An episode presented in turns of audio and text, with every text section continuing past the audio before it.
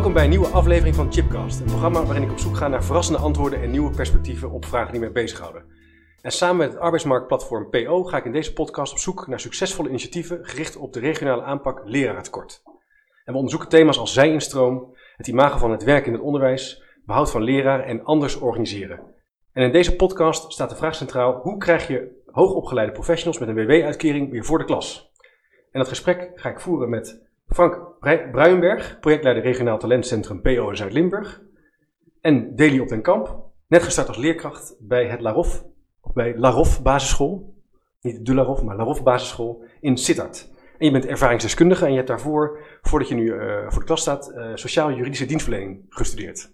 Ja, klopt. Leuk dat jullie in de uitzending zijn. Dankjewel. Um, wat merken jullie, om maar even met de deur in huis te vallen, wat merken jullie van het lerarentekort in Limburg? Speelt dat? Die, uh, kan jij dat, ja. kan jij dat, ja, dat, dat, Laten we zo zeggen, de meeste scholen hebben zeg maar, de vaste formatie hebben ze bijna allemaal uh, bezet. Ja, okay. uh, langdurig zieken, die, die vervangingen zijn ook geregeld. Maar als er op dit moment een griepgolf komt, dan hebben we acuut een probleem. Ja? ja dan, dan, dan merk je meteen. Te weinig vervangers ja. en dan, uh, dan hebben we een probleem. Ja. ja. En de komende jaren zullen ook nog wat mensen uitstromen, dus de vraag blijft. Ja. En die, die, is, die is wel aanwezig. Dus het is, het is net genoeg om het te organiseren, om door, er doorheen te komen. Je voelt dat het krap is. Het is krap. Ja. En waar, waar zit daarin voor jullie de aanleiding? Iedereen, er zijn natuurlijk ontzettend veel meningen over het onderwijs. Maar ik ben dan toch wel nieuwsgierig naar hoe kijken jullie naar de aanleiding van, van de problematiek waar we vandaag de dag voor staan. Sommigen zeggen het gaat over te weinig salaris. Sommigen zeggen het gaat over de aantrekkelijke arbeidsomgeving, de werkdruk. Hoe kijk jij daarnaar? Ja, voor mij is het natuurlijk nog moeilijk om te beantwoorden. Dat het voor mij nog uh, vrij vers allemaal is. Uh, uh, als ik kijk, salaris zal er zeker mee te maken hebben voor de leraren die er al lang in zitten. Ja. Uh, maar vooral het stukje dat de werkdruk natuurlijk veel hoger is geworden. Ja. Dat krijg ik mee van de ja. leraren die er wel nog zitten. Dat is gewoon hoger, de klassen worden groter, meer verantwoordelijkheid. Ouders worden, ja, die vragen veel meer aandacht. Ze worden ook kritischer, ze horen en zien veel meer. En dat legt ook een stukje extra druk bij de leerkracht neer. Ja, precies. En dat voeden mensen. Nog best wel spannend als je dan andere professionals wil mobiliseren en wil verleiden om voor het uh, docentschap te kiezen, voor leerkracht. Ja. Dan moet je er wel een antwoord op uh, bieden. Maar jullie zijn, uh, ja, er zijn prachtige websites, die zal ik op het eind nog even noemen, waar jullie eh, initiatieven en activiteiten ook zichtbaar zijn. Maar jullie zijn mm. bezig met een bijzonder initiatief. Frank, zou jij daar iets over kunnen zeggen? ook misschien ja. hoe het is gestart? Ja. Nou, het is eigenlijk zo gestart met de regionale aanpak uh. Hè? Ja. Daar is het mee uh, gestart. En de, de, meeste scholen in het zuiden hadden allemaal zij-instromers. Maar wat zagen we ook? Zij-instromers, de eindstreep te halen is heel lastig. Ja, het is toch een zware investering wat je moet doen als ja. zij-instromer. Ja. Sommigen werken nog daarnaast, omdat ze gewoon nog als, als kostwinnaar uh, hun geld moeten verdienen. Um, en toen hebben we gekeken van, maar er moeten toch ook andere mogelijkheden zijn om nog mensen aan te trekken. En via een ander project waar ik werkzaam ben, uh, kwam ik met UWV in contact. En ik zeg, ik zoek daar een contactpersoon. Nou, die hebben ze me gegeven. Dan ben ik gewoon vrijblijvend gaan praten. Ik zeg, wat kunnen jullie nou betekenen voor ons in het zuiden, om mensen met een HBO of een W-opleiding met de zware vereisten, om die in het werk te krijgen? En wat zouden jullie willen doen? Nou, dat gesprek dat ging maar steeds verder en verder en verder. Tot op een gegeven moment ze zeiden, ja, daar willen we wel aan meewerken. Wij gaan, ik zeg, stel je wel eens de mensen de vraag van, um, wil je in het onderwijs werken? Ja, dat hebben de mensen nog nooit gevraagd, die, die, die, die vraag nog nooit gesteld aan mensen met een hogere opleiding. Ik zeg, nou, dan moet je daar eens mee beginnen. Ja. Misschien is dat heel verrassend. Nou, dat was ook verrassend, want we hadden meteen 16 kandidaten die zich aangemeld hadden, Zo. Om, om daar in ieder geval eens iets meer van te weten. Maar goed, dan ga je naar de besturen. Want dat is ook weer wat anders. Ja. Wat zijn, dat dan, dan? Ja, wat zijn dat dan voor mensen? Ja. Zij zijn net zoals jij en ik. Hebben gewoon een HBO-opleiding, W-opleiding. Ja. Die zijn misschien alleen door hun eigen schuld even in de WW terechtgekomen. Ja. En dat is misschien mogelijk potentieel. We hebben allemaal een HBO-opleiding, hebben een rugzakje met ervaring. En kunnen wat kunnen dus we daarmee? voor de klas komen? En die ze kunnen eventueel voor de klas komen. Dus we hebben dat verder ontwikkeld met het UWV. Wat zouden jullie willen betekenen? Nou, die zijn heel ver gegaan. Echt heel ver. Zeker het eerste jaar. Hè, de betalen zeggen, de opleiding. Wat, ja, wat bedoel je met ver gaan? Hè, nou, ze betalen de hele opleiding het eerste jaar. Ja, kijk, ze investeren betalen, ook. Ze investeren. Ja, ja. Ze stellen de mensen vrij van uh, sollicitatieverplichtingen. Dus dat is ook wel heel aantrekkelijk voor de, voor Ja. de kandidaten. Ze betalen boekengeld. Het enige wat ze als tegenprestatie vragen is aan de besturen eh, om ze daarna in ieder geval een contract te bieden met uitzicht op. Ja. Dus het is eigenlijk een win-win situatie voor alle partijen. Wauw. Ja. Dus je hebt dat meegemaakt. Ja, klopt. Hoe was dat? Herinner je, herinner je nog dat eerste moment of dat contact? Ja, nou goed. Uh, kijk, het UWV heeft nou natuurlijk wel een selectie gemaakt van potentiële uh, kandidaten met een aantal vereisten die ze hadden. Um, voor mij was de link, ik heb op LinkedIn een berichtje gezien, dus ik had zoiets van, nou, dat klinkt interessant. Altijd het onderwijs ingedeeld en ik dacht, dit is mijn kans. Dus ik heb gereageerd op het bericht op LinkedIn. En uh, ben zo bij de informatiebijeenkomst terechtgekomen. Voor mij was dit een kans om eindelijk te kijken: is het echt iets voor mij en kan ik mijn droom verwezenlijken om voor de klas te staan? dus dat is ook via social media gegaan, dus niet via een. Het is ook grappig hoe dat dan ook zijn invloed heeft. Ja, nou, UWV had natuurlijk zijn eigen potje. Die maken daar een query op met bepaalde vereisten. Ja. En dan gaan ze mensen aanschrijven. En dan kan je altijd zelf reageren, want je moet natuurlijk wel zelf willen. Voor mij, uh, ik ben niet in die query naar voren gekomen, omdat ik niet volledig aan de eisen voldeed. Maar LinkedIn heeft voor mij in ieder geval op het juiste moment, juiste uh, plaats heb ik het gelezen. En was ik heb meteen gereageerd. Was, was het dan iets wat je al eerder wilde doen? Had ja. Je, je had er al wel een beetje over nagedacht. Ja, ik dus heb altijd het onderwijs ingewild. Ja, ja. Um, maar ja, nooit de kans gehad. Nee. Als je eenmaal een HBO afrondt en je gaat werken, kan je je bijna niet meer omscholen. Is gewoon niet uh, betaalbaar. Nee. En dit wel gaf ruimte. Dit geeft ruimte. Ja. Frank, je vertelde even zo heel makkelijk over, of wist vrij snel over dat die besturen in het begin dan nog een beetje zitten te zoeken van kan dat wel. Maar dat lijkt me een enorm, toch wel een enorme klus om al die mensen op een, in dezelfde richting te krijgen, dat ze mee willen gaan doen. Nou, het klinkt, klinkt, makkelijk zo'n idee, maar om het uit te voeren is nog wel een tweede. Ja, we hebben twee voordelen. Uh, we zijn al zeg maar sinds een jaar of vier, vijf, werken we al heel intensief samen met de besturen. Ik doe één keer in de zes, zeven weken de HR-tafel, uh, HR-managers voorzitten kom één keer in de zoveel tijd bij de college van besturen, dus eh, de contacten liggen daar heel goed. Mhm. En ik heb heel goed gebruik gemaakt van de coördinator eh, van de Zijnstroom. In het zuiden hebben ze een coördinator die dat hele project dan ook allemaal begeleidt. We daar contact mee gezocht en gekeken van hoe kunnen we dat nou goed wegzetten. En een van de eisen wat de besturen zeiden, als je als zijnstromer het onderwijs in wilt, dan uh, moet je allemaal aan vereisten voldoen. Wil je deeltijd verkort, is dat niet. Dus ze zeggen eigenlijk van, je zou eigenlijk hetzelfde moeten doen als bij de uh, zijinstroom. Nou heb ik gezegd, oh, nou oké, dat kunnen we regelen. Um, een van de voorwaarden is, ze moeten dan tien weken meelopen, stage lopen. Gewoon het onderwijs ervaren, liefst vier dagen in de week. Ja. Gewoon te kijken van, wat is dat nou? Contacten met ouders op het speelplein. Uh, maakt niet uit wat, contacten met uh, alles. Het hele, hele rattenplan, ja. alles. Ja. Maar in die tien weken krijg je dan ook uh, modules, drie modules, hadden we met de PABO afgesproken, over pedagogisch en didactisch handelen. Ja. want als jou dat niet door het onderwijs komt, ja, je hebt daar totaal geen beeld bij. Nee. Dus wat is dat dan? Vervolgens ook het afnemen van uh, talentmanagementanalyse. Een soort competentiemeting, drijfveren. Om te kijken van, uh, ja, wil je het nu echt? En dat was ook wel leuk voor, de, voor de, het UWV. We zeiden, als de mensen het niet willen, of niet kunnen, om wat voor reden ook, dan heb je wel met die talentmanagementanalyse, weet je wel wat ze wel kunnen. Ja. Dus dan kun je als UWV, kun je daar je voordeel mee doen. Is een win-win. Dus het was wel win-win, zowel voor ons als voor de kandidaat als voor het UWV. Slimme manier om, om ook snel ervaring op te doen voor die klas te gaan staan, tien weken. Ja. Verschillende, manieren, verschillende vormen van leren aan te bieden. Zodat je eigenlijk al vrij snel gaat merken van, hé, hey, past dit bij me? En je krijgt ook gerichte ondersteuning. Je kreeg een begeleider. Je moest een begeleider. Een begeleider vanuit de school. Dus je werd gekoppeld aan een opleidingsschool. Ja. En je moest een e-portfolio maken. En dat alles bij elkaar kwam dan een eindgesprek met twee assessoren. En die bepaalde dan, uh, uh, zeg maar, het groen licht, het bestuur, de kandidaat zelf. Zo. En na die tien weken als er groen licht was, ja, dan begin je aan de opleiding. Klinkt ook wel spannend. Ja, ja, was het absoluut. Ja, maar ik denk dat de manier waarop je het gaat doen gewoon heel goed is. Ja? Je krijgt een beeld. Mijn ervaring tot nu toe met de kandidaten waarbij ik dit mee ben gaan doen, um, die hebben allemaal al het idee gehad, ik wil dat onderwijs in. Alleen nooit geweten hoe. En hoe kom ik daar dan? En hoe is dat te combineren met mijn thuissituatie en met het financiële stuk? En doordat je echt tien weken gaat kijken, je gaat een ontwikkelingsportfolio maken, je hebt een competentietest afgenomen, daar wordt gewoon bevestigd het idee wat je had van ik kan dit, ik wil dit. Ja. En doordat je dat voortraject gaat doen, ga je met de kinderen, match dat, uh, je gaat gewoon echt proeven. En je gedacht wordt of bevestigd of niet. En dan heb je een mooi begin om te gaan starten met een opleiding. Wat staat je nou het meest bij voor die tien weken? Je bent in die, uh, op school gekomen, meegedraaid. Eh, ja, nou wat mij het meeste bij staat is, ik ben gewend wel om, om cursussen te geven vanuit mijn uh, verleden. Okay, uh, en wat je hier vooral niet moet doen, is te veel open vragen stellen. dat is mij het allermeeste bijgebleven. Oh, goed. Ja. ja, nee, normaal ben je gewend. Ga vooral open vragen stellen. En ja. bij kinderen roept dat zoveel enthousiasme op, dat de hele structuur weg is. Ja. En dat is niet altijd even wenselijk. Nee, nee dus je nee. maakt allerlei dingen mee dat je denkt, oh, dat moet ik vooral anders doen. Je leert heel erg veel. Ja, je neemt heel veel bagage mee en dat is echt het voordeel. Je hebt een, een bagage, je hebt een opleiding. Uh, de meesten hebben zelf al kinderen. Dus je, je gaat daarin met een gedachte, zo ga ik het doen. Je leert heel veel als je een hele fijne school hebt. Mijn school is gewoon super fijn, die begeleiden me goed. Goede mentor. En dan ga je je, ja, je, gaat je gevoel bevestigd krijgen. En je gaat een, een, het enthousiasme van die kinderen, dat maakt het nog aanstekelijker. Fantastisch, maar je zegt een aantal hele mooie dingen. Maar je ziet ook wel veel uh, studenten uitvallen op PABO's. Hè?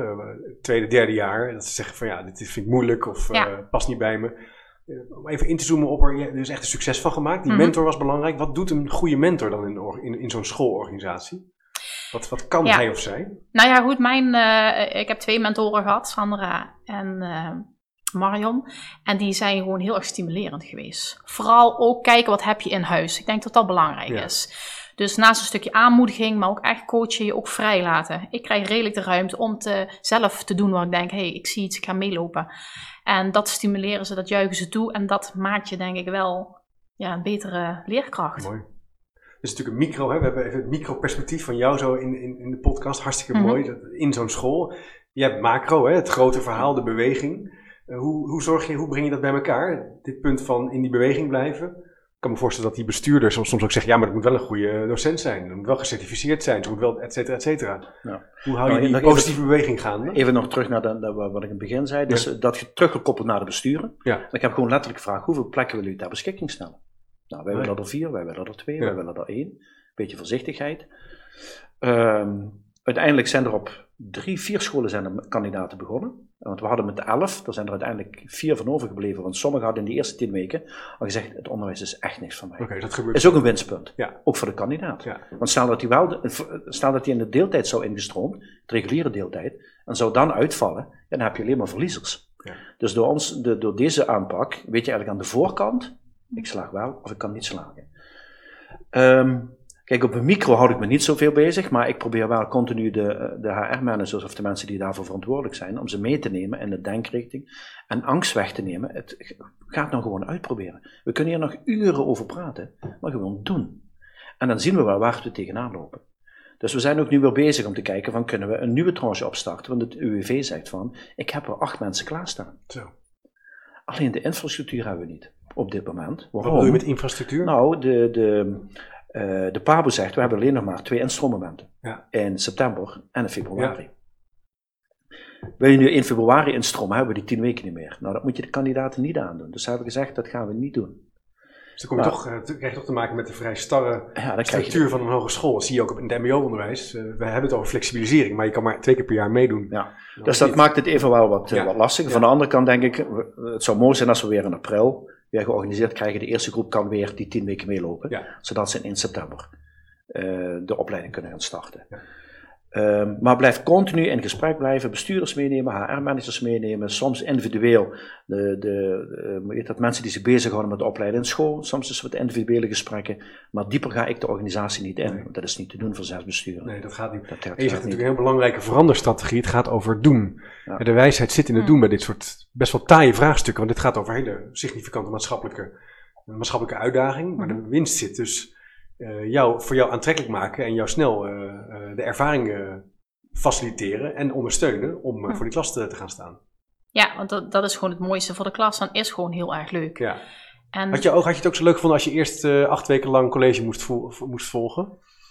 Wat ook gekund? Oh, dat is een goede vraag. ik denk het wel. ja. ja. Maar goed, ik, ik denk, je hebt met een groep te maken die goed nadenken. We hebben al een opleiding gedaan, we weten al redelijk wat we willen. Dus het is niet heel impulsief, je bent 18, je denkt, goh, wat ga ik doen? Ik ga de pabo doen. Nee. nee, je denkt er wel echt goed over na. En uh, je wil ook, de drijfveer is ook hoger, dat hoor ik ook terug uh, in de school. we zien mensen die er al staan, die brengen een hele andere ervaring met zich mee dan iemand die 18 is en die komt net van school af. Ja. en dat wordt als heel prettig ervaren, wat ik uh, tot nu toe begrijp. Leuk. En zal, ik kan me ook voorstellen als, als friskijker dat je mhm. ook allerlei dingen opvalt van zo'n schoolorganisatie. Je, je, bent andere organisaties gewend. Ja, absoluut. Kan je daar iets over zeggen? Wat, wat, wat, als je zo kijkt naar zo'n schoolorganisatie, wat valt je dan op? Ja, is voor mij denk ik nu nog te kort om daarna te kijken, maar je ziet gewoon wel dat wij een andere ervaring meebrengen. Ja. En uh, dat kan je gewoon meegeven, ook aan de leraren. Ja. En als ze daarvoor openstaan, leren hun daar ook heel veel van. Kan je een voorbeeld daarvan geven? Uh, nou ja, goed, ik zit heel erg in het coaching. Ik heb in het verleden veel coaching één op één, maar ook op groepen gedaan. En dan uh, ben je veel minder bang om iets te zeggen. Oh, je, bent, uh, je spreekt mensen veel vaker aan van, god, dit vind ik, dit zie ik, wat vind je daarvan?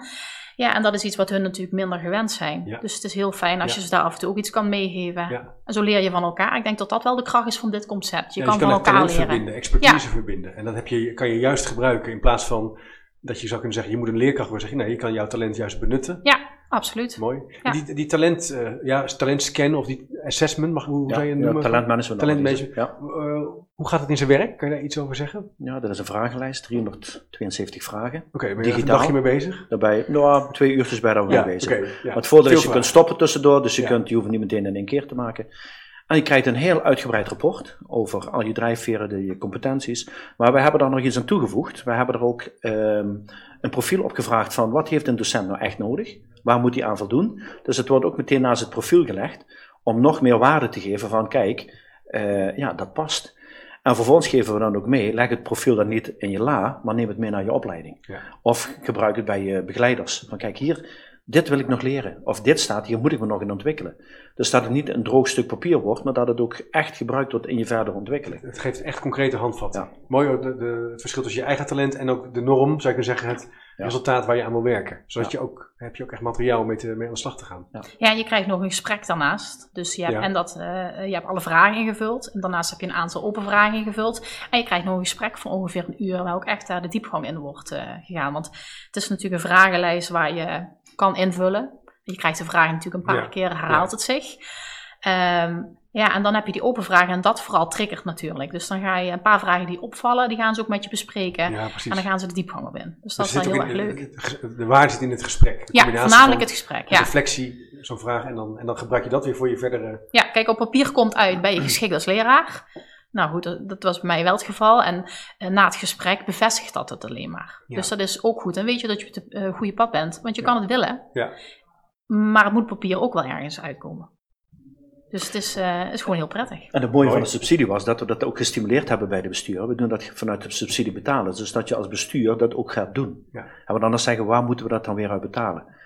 Het geld is er eigenlijk bij de bestuur, maar gewoon even dat drempeltje overheen te stappen. Ja, ik kan me dat heel goed voorstellen. Bij, bij dit soort taaiere, complexe vraagstukken met meerdere partijen, meerdere belangen, verschillende dynamieken, dan heb je wat regelruimte nodig om te experimenteren. En als dat net even helpt. Ja. Maar ik ben, nog, ik ben ook nog even nieuwsgierig naar al die partijen die dus dit wel willen, maar dan komen al die belangen van hogeschool, instromen, momenten noemen we wel even, of uh, basisschool die wel of niet een plek hebben. Hoe, hoe hou je ze allemaal bij elkaar? Je bent met zo'n, met zo'n experiment bezig. En iedereen is het hier wel eh, mee eens, totdat misschien er eh, lastige vragen komen als... mag ik eerder starten los van de startdatum? Ja. Noem maar even wat. Kijk, het voordeel is, ik kom regelmatig bij de besturen op kantoor. Ja. Dus ik ken de, de HR-managers, ik ken de bestuurders, ik ken ook de mensen op de kantoren. En dan maak ik gewoon die dingen bespreekbaar. En dan ga ik van tevoren al dingen ophalen, zodat als we gemeenschappelijk weer bij elkaar zitten, van uh, dit heb ik allemaal opgehaald en dit zou er nog moeten gebeuren. Hoe kijken jullie daarnaar? Dus zij zijn in de lead. Ik ben, het enige wat ik doe is verbinden. Ja ophalen, verbinden. Vraagstukken, dilemma's ophalen. Ophalen en daar delen. En van hoe kijken jullie dat tegenaan? Of ik heb dit opgehaald, hoe zouden we het kunnen oplossen? Wat kan ik erin betekenen? Wat kunnen jullie daar nog in betekenen? En dan ik eigenlijk ook aan dan één etage hoger bij de bestuurders neerleggen van kijk, um, ik hoor jullie dit zeggen, uh, maar hoe gaan we het nu organiseren? Ja. En krijg je die regelruimte om dat met HR te regelen. Ja. Uh, 9 van de 10 keer is dat ja. Ja, weet je, maar dat komt ook omdat we elkaar al heel lang met elkaar samenwerken in dat regionaal talentcentrum. Ja. Ja maar we kennen elkaar. Er zijn ook twee besturen die zijn niet aangesloten bij het regionaal talentcentrum, okay. maar die worden volledig meegenomen. Want daar maak ik geen verschil in. Omdat ze doen hier eigenlijk mee in de subsidie dus uh, je hoeft niet meteen lid te zijn van het RTC. Nee, want dat, om met de kennis om gebruik te kunnen maken. Om gebruik te maken, ja, maar dan denk ik van, en zo hoop je, doordat ze op een gegeven moment zeggen van, kijk, maar we hebben daar zoveel voordeel van, ja. we sluiten ons gewoon Logisch gevolg is dat wij. Ja. en dat moet je gewoon organisch laten ontstaan. Ja, mooi. Jij zegt een aantal belangrijke punten over hoe je dit proces vormgeeft. Dat is eigenlijk niet te veel op de inhoud gaan lopen duwen en trekken, maar luisteren, verbinden, dilemma's in kaart brengen en dat met elkaar bespreekbaar maken. Waar nodig je zei het etage omhoog gaan en, hoe, en ook de vraag stellen, hoe gaan we dit doen? Ja. Het is eigenlijk een, een, pleidooi voor een praktische veranderstrategie. En niet te veel over de why en de waarom. natuurlijk moet je dat ook over eens zijn, maar ik denk dat dat iedereen wel in... Als je dat iedereen vraagt, is bijna altijd iedereen over Toch, denk je niet? Ja, dat, dat, is heel snel geregeld. Ja. Maar, dan maar hoe de uitvoering is lastig. Ja. En eigenlijk zeg ik alleen maar, gewoon praten met elkaar. Niet te veel. En ze sneller in de, in de gelegenheid brengen van, laten we het dan uitproberen. Ja. En dan zeg ik, laten we het dan maar weer eens voor de zoveelste keer een pilot noemen, want dan mag je gewoon fouten maken. Ja, het pilot helpt wel, ja. Dat woord pilot helpt. Ik moet denken aan, ik sprak eerder in een podcastserie Hans Vermaak over leren veranderen. Dat is een veranderkundige die veel onderzoek doet naar veranderprocessen in organisaties.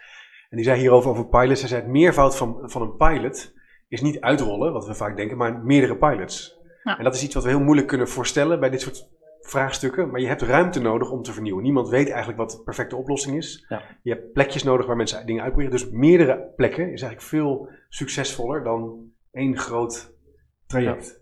Maar je bent dus ook niet uh, heel kritisch op als iemand niet aansluit om dan de kennis niet te delen. Of, hè, het, is, het zijn niet hele hoge muren die om jullie heen staan.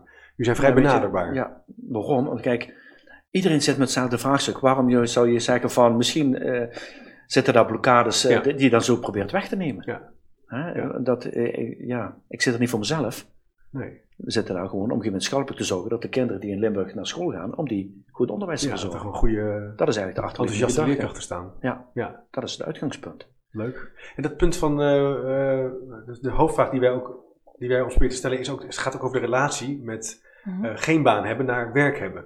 Uh, is dat nog een gevoelig onderwerp of was dat nog gevoelig voor jou? Nee, voor uh, mij niet. speelde dat helemaal niet? Nee, helemaal niet. Nee, voor mij was het een hele bewuste keuze. en een nieuwe kans om weer iets nieuws te gaan doen. Ja. Dus ik ben gewoon heel erg blij met de kans die er gekomen is. Dus je kan eigenlijk, je hoeft het helemaal niet zo. Je, soms merk je dat mensen daar een beetje mhm. voorzichtig mee zijn. En dan je zegt eigenlijk, oh, sorry, moet ik even ik hou de tijd altijd bij op mijn eh, telefoon, maar dan moet je niet gaan zoomen. Um, je hoeft er helemaal niet zo voorzichtig in te zijn, zeg je eigenlijk. Nee, ja, goed, bij mij niet. Het is natuurlijk voor iedereen anders. Ja. Uh, voor mij is het geen probleem. Kijk, ik zie de WW als een uh, tussenoplossing op het moment dat je niet meer uh, op je plek zit waar je hoort te zitten. Ja. Dan kan je ervoor kiezen om door te gaan en richting een burn-out of een overspannenheid te gaan. Moet je niet willen. Dus op het moment dat je samen een keuze maakt, nou hier hoor je niet meer, of je hebt de mogelijkheid niet omdat je boventallig bent, dan is de WW gewoon een tussenpauze die voorziet van inkomen om weer een nieuwe fase aan te gaan. Ja, mooi. Ja, zo zie ik het in ieder geval wel. Krachtige redenering. Ja. In plaats van dat je een soort uh, ja, slachtoffer klinkt zo zwaar, maar dat het allemaal moeilijk is. Je zegt van nee, het is een tussenfase, ik wil weer aan het werk. Ik maak gebruik van de expertise die er zijn, van de mensen om mij heen, om meer mooi, op een mooie plek uh, aan de slag te gaan. Ja, ik probeer zelf altijd heel positief te kijken naar dit soort dingen. En voor iedereen is ervaring natuurlijk moeilijker. Hoe langer je ook in het werkveld zit, hoe moeilijker het is om ook een stukje te veranderen, maar ook om uh, weer een nieuwe slag te slaan. Kijk, ik zit natuurlijk relatief nog jong in het proces. Ik zit uh, meer dan tien jaar werk ik, verschillende plekken gehad. Ik zie dat als een verrijking van mijn ervaring. Terwijl anderen misschien zouden zeggen, ja, goh, vervelend, na twee jaar stopt het weer. Ja, nou, ik zie het, dan ga ik weer wat anders doen. Dus het is wel heel erg hoe je erin staat en de mindset die je natuurlijk hebt op dat moment. Ja. Ja, ik kan me voorstellen. Ja. En, en uh, hebben jullie nog, komen deze, uh, de, deze potentiële uh, professionals elkaar ook nog tegen in zo'n traject? Of misschien in de opleiding zelf? De opleiding zelf. De opleiding zelf en wat ik met, met Anouk, de, de coördinator van de Zijnstroom, dat we dadelijk wel een moment gaan pakken, gewoon eens even evalueren. Gewoon even los van de bestaande structuren. Ja. Gewoon van hoe gaat het nou gewoon met je? Wat vind je ervan? Kunnen er dingen ons teruggeven die wij in ons project uh, of in de nieuwe trajecten misschien moeten meenemen. Aan de voorkant beter communiceren uh, of anders communiceren. Of, dat gaan we wel doen. Leuk. Wat zijn voor jullie nu de. Jullie gaan door met dit, project? Is je zei er al iets, je zei er al iets over. bedoeling. Dus, eh, dus we gaan de besturen weer enthousiasmeren om. Kijk, want die tekorten blijven. Hè? Ja. Kijk, uh, ik heb een keer uitgerekend dat we 130 FTE in Zuid-Limburg nodig hebben elk jaar. Zo. Nou, de uitstroom uh, van de die is onvoldoende. Dus je redt dat niet alleen nee. met de zijnstroom. Dus je redt dat niet met alleen de UWV'ers. Dus je ziet ook heel veel besturen trekken dan, hoe heet dat, onderwijsassistenten of klasassistenten ja. aan. Ja. Maar de uitdaging wordt, bij, zeker bij de grote besturen, die hebben meer dan 100 mensen die begeleid moeten worden. Tja. Hè, stagiaires van jaar 1, 2, 3, 4, zijnstromers, UWV-kandidaten, deeltijd verkort. Alle nieuwe mensen moeten, willen ze allemaal goed begeleiden. Doe je dat niet, is het uitval giga. Dus we kunnen nu weer een nieuw traject starten. Dus we gaan ook nu dadelijk in de nieuwe subsidievorm gaan kijken van uh, hoe kunnen wij andere manieren verzinnen om, om die mensen te gaan begeleiden. Ja. En we zullen wel moeten ook, hè? Als je ja, bijvoorbeeld, nu, we zijn nu in gesprek met APG. Moet je even zeggen wie APG APG, het pensioenfonds, ja. waar wij ja. het mooie pensioen van krijgen. We zijn nu aan het kijken van vitaliteitsregelingen. Om te kijken, kunnen wij de leerkracht die nu met 64 uitstroomt, misschien verleiden om misschien voor de helft eruit te gaan. Ja. En dan ook met de besturen in gesprek te gaan, wat is het jullie dat allemaal waard? Dus dat zijn we nu aan het onderzoeken. Gaan we in februari komen we na de eerste keer in gesprek met de HR-manager, dus gewoon eens verkennen van wat zou je allemaal kunnen doen. Om te kijken, kunnen we dan ervaren leerkrachten weer gebruiken voor bijvoorbeeld die groep van de van de UWV'ers te begeleiden. Ja, slim. Ja, dus dat zijn we allemaal aan het, aan het uitzoeken. Wat, wat, denk ik heel, wat heel mooi hierin is, is dat, in dat die, vaak bij verander, veranderprocessen denken we van we moeten die 100 vinden. Dus, ja. Terwijl je hier eigenlijk al duidelijk wordt, je moet van 6 naar 12, naar nog een keer 10, naar nog een keer 10. Dat is eigenlijk de beweging hoe je verder komt. Slimme combinaties maken. Uh, anders kijken naar, uh, naar professionals die proberen aan je beweging te verbinden. Dat is eigenlijk de, de, de crux. En dan krijg je nu nog de, de hele andere vragen. Bijvoorbeeld als je dat wilt uit, uh, um, weet dat, verdelen over Nederland. Elk UWV zit er ook wel anders in. Hè? Ja. Niet UW, elk. UWV handelt daar hetzelfde. Ook heel vreemd. Het lerarentekort in Zuid-Limburg geen tekortvak. Dus werd me dan verteld. Dan denk ik ja, maar wat we, ja, dat is heel vreemd. Dus dat is ook wel een pleidooi om daar ook een, daar moet wel iets meer stapje omhoog. Een uniforme, nou uniform is niet het goede woord, maar wel een eenduidige urgentie, een eenduidige redenering op zijn. Nee, maar dus hoe, ik, hoe, uh, hoe duid jij dat dan? Nee, maar weet je het leuke is? Ik ga dus regelmatig naar het UWV naar bijeenkomsten en er wordt vertaald van het onderwijs is geen probleem in het zuiden. Ja. Nou, dan ga ik acuut een gesprek ja. aanvragen met ja. die meneer die dat doet. Nou, dat heb ik ook gehad. En hij heeft me dus uitgelegd hoe dat komt, hoe hij zijn de cijfers komen. Nou, dan snap ik dat. Ja. Dan denk ik van, maar misschien moet je toch anders gaan communiceren, want anders gaat niemand dadelijk meer het onderwijs in. Ja. Dus ja, daar kom je dus allemaal achter. En dat, dat probeer ook, je dan bespreekbaar te maken. Het is ook uh, maatschappelijk enorm belangrijk wat jullie doen. Uh, nou, vorige week zijn de PISA-scores uh, verschenen. We zien ja. ook dat kinderen toch slechter lezen de afgelopen 15, 20 jaar. Rekenen gaat achteruit. Leren, leren lezen, leren rekenen vraagt een professionele, bekwame docent die dat goed kan uitleggen. Ja. Instructie blijft erin ontzettend -hmm. belangrijk. Natuurlijk is een andere vorm van onderwijs ook leuk. Ja, een klasassistent kan dat ook doen, maar die kan niet instructie uh, ja. aanbieden. Uh, de Snapit, hè, de, niet alles kan via de tablet. Ja. Dus we, zullen, we hebben hartstikke hard nodig uh, dat er goede, goed opgeleide, hoogopgeleide professionals zijn die in de klas ja, kunnen en vooral gemo gemotiveerde docenten. Ik denk dat dat heel belangrijk is. Kijk, je hebt er ook niks aan als je iemand uh, daar laat zitten van 64 die er geen zin meer in heeft. Nee. Je gaat die studenten ook niet veel uh, nee. brengen. Maar op het moment dat je het leuk kan maken en iemand zeer gemotiveerd is, dan ga je natuurlijk ook een andere Tuurlijk. richting op. En de een zal nog enorm in zijn kracht staan als hij uh, boven de ja. 60 is, maar de andere. Dat is overigens iets waar we in organisaties niet vaak over praten, maar er is natuurlijk een soort verloop van je, van je loopbaan. Als je wat ouder bent, dan ga je anders kijken naar, naar je werkzaamheden, naar wat je hebt bereikt. En dan zou je misschien, het is heel mooi wat, jullie, wat jij eigenlijk zegt, van kan je op een andere manier kijken naar de ontwikkeling. Kan je anderen helpen ja. om meer leerkracht te worden in plaats van nog, nou, misschien dat het energie kost om voor de klas te staan, kan je misschien een slimme combinatie maken. We zijn nog één groep vergeten. Vanmorgen kwamen de auto hier naartoe en toen hadden we het over ja. de, het opleidingsinstituut, een hele belangrijke speler aan deze. Ja. En hier zie je nog wel de uitdaging hoe zij hiermee om moeten gaan. Met de zijnstromers, met de UWV'ers. Je kunt namelijk vier jaar niet stoppen in twee jaar. Dat is onmogelijk. Nee. En hoe ga je dan de mensen die al heel veel levenservaring hebben, hoe ga je die nou, hoe, hoe, neem je die nou serieus? Want ze hebben een rugzakje. Ja. Met heel veel kennis en ervaring. Ja. En hoe durf je daarmee om te gaan? Ja. Dus dat is ook een uitdaging van die pabo's van, je mag rustig werken met vrijstellingen. Maar leer ze wel, EVC's misschien, ja, of EVC's, maar leer ze wel hoe je goed pedagogisch en didactisch dingen sterker kunt maken. Dat je daar sterker in wordt. Maar ik, heb, ik, ik weet niet of je het herkent, ik, ik erger me soms ook een beetje aan dat het allemaal zo kort moet. Want ik heb, als je iets leuk vindt om te doen. Mhm. Mm -hmm. uh, zo, ik voor mijn promotieonderzoek heeft vier jaar geduurd. Vond ik ontzettend leuk. Ik vind het nog steeds jammer dat het voorbij is. Dus je kan, terwijl als je heel erg gaat focussen op dat het snel moet zijn. En dat het korter moet zijn, dan creëer je volgens mij ook ja, maar je moet wel een diploma hebben. Je moet dat diploma, daar, dat daar is, moeten we dat, dus dat is het vereiste. Heb je geen ja. diploma, mag je eigenlijk niet zelfstandig Nee. lesgeven. Terwijl het nu wel al gebeurt. Hè? Maar als je dus, precies, want dat is de realiteit. Ja.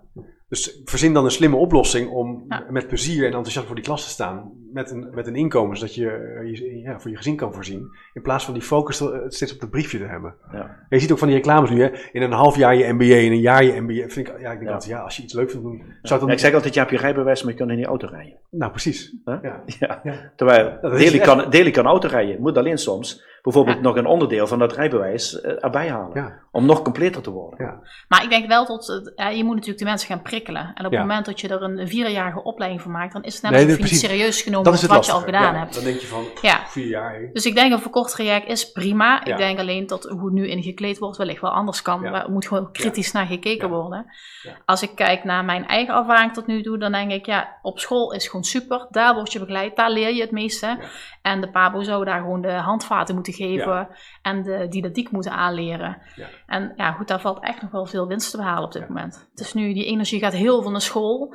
En op het werk wil je veel meer, veel meer doen. Ja, maar dat, gaat dat misschien jammer. open ik een te grote filosofische discussie over, over leren hoor. Maar ik heb eerder Jan Brands in de uitzending gehad, dat is een hoogleraar filosofie. Die Mhm. heeft een boek geschreven over gevormd of vervormd.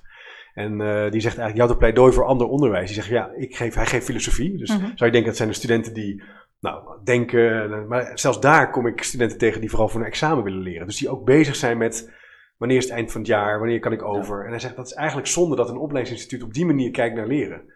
En hij houdt een pleidooi voor heel snel in die werkervaring zijn. Ja. Eh, maar ja, dan heb je natuurlijk weer vragen als, ja, hoe certificering, diploma, inkomen, dat zijn allemaal lastige dingen.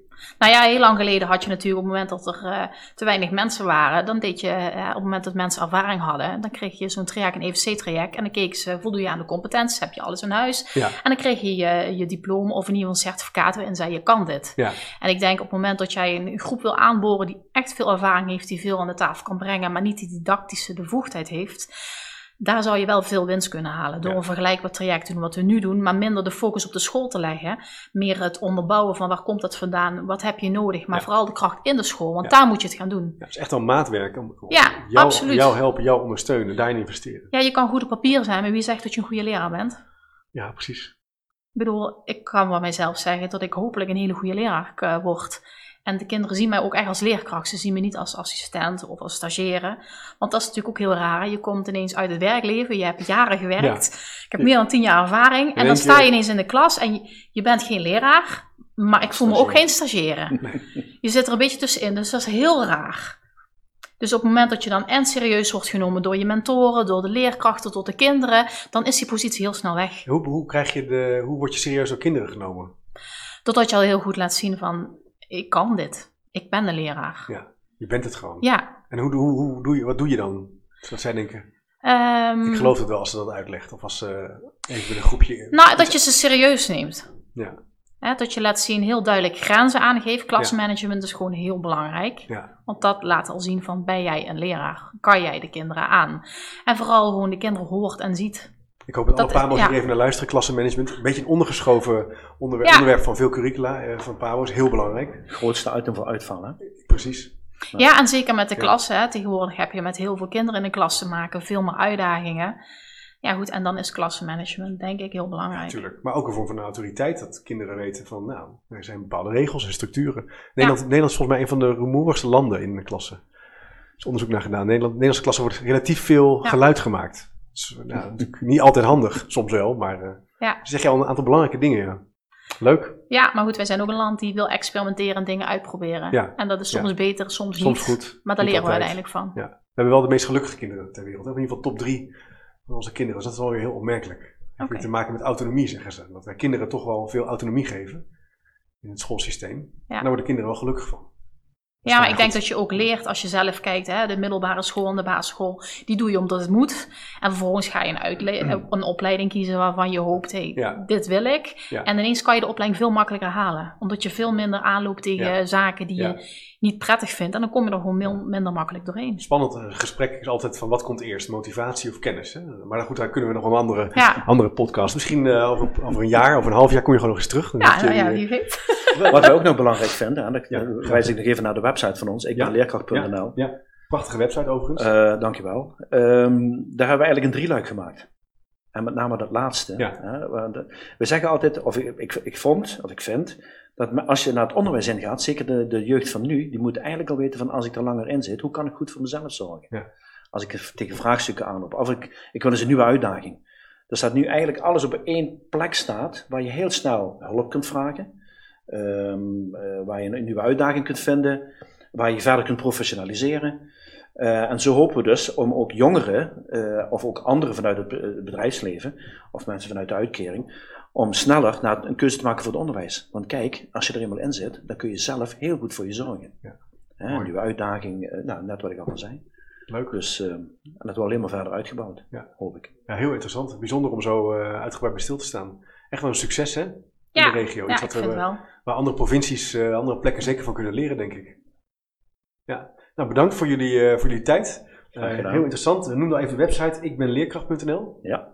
Ehm, dus daar moet je zeker naartoe gaan. Eh, kijk ook zeker even op www.arbeidsmarktplatform.po.nl of www.aanpakleraartekort.nl voor meer informatie. Er staat in deze podcast ook over, maar ook achtergrondinformatie, artikelen, teksten. Bedankt voor het kijken en luisteren. We zijn aan het eind gekomen van deze podcast. Ga ik nog even in de, in de camera kijken. Um, beste luisteraar of kijker, nou, nogmaals bedankt voor het kijken en luisteren. Kijk even op chipcast.nl slash doe mee. Krijg je automatisch elke week een nieuwsbrief. Gratis en voor niks een, eh, een uitzending over leren, onderwijs, veranderen en soms zelfs filosofie. Uh, bedankt voor het kijken en luisteren en uh, tot de volgende keer maar weer.